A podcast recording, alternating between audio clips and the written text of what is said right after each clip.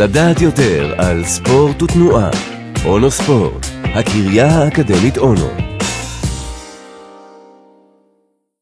הבסיס הפיזיולוגי לכאבי צוואר מתמשכים כאבי צוואר כרוניים הם תופעה מוכרת וסימפטום מרכזי של פציעות ראש ועמוד השדרה. אין כמעט אדם אחד שלא סבל מכאבי צוואר, והרבה מאוד אנשים סובלים גם מכאבים כרוניים בחלק הזה, במיוחד אנשים שיושבים שעות רבות מול מחשב או כתוצאה מתאונה. בהרבה מקרים, הכאב בצוואר יקרין גם לאזור הידיים, ועלול לגרום גם לכאבי ראש חוזרים. צוות החוקרים בראשות מגן איטה פרסם מאמר ב-JOSPT, שבו הם מנסים להסביר את הבסיס הפיזיולוגי לכאבי צוואר מתמשכים. המחקרים שנעשים על בני אדם בתחום הכאב לא יכולים לתת תמונה מלאה על המכניזם הפיזיולוגי של כאב שנגרם על ידי עומס חריג.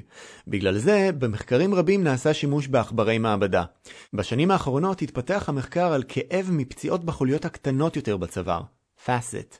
המחקרים האלו, שנעשו על מודלים חיים, עזרו משמעותית להגדיר את הגורמים בתהליך של הופעת הכאב וההשלכות שלו, שקשורים גם למערכת העצבים ולתהליכים דלקתיים. למרות הבעייתיות של תחום המחקר הקליני של כאב וכאבי צוואר בפרט, המחקרים הרבים שנעשו באופן מיקרוסקופי הצליחו להרחיב את הידע על התגובות לכאב של תאים נוירוניים וקולג'ן.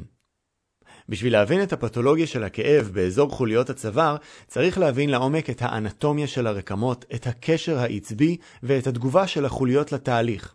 העומס על הצוואר יוצר תגובה קינמטית חריגה בין החוליות, עם פוטנציאל של פגיעה ברגישות המפרקים ובסיבי האפרנט, שדרכם עוברים הסנסורים, ופגיעה ברצועה הקפסולרית.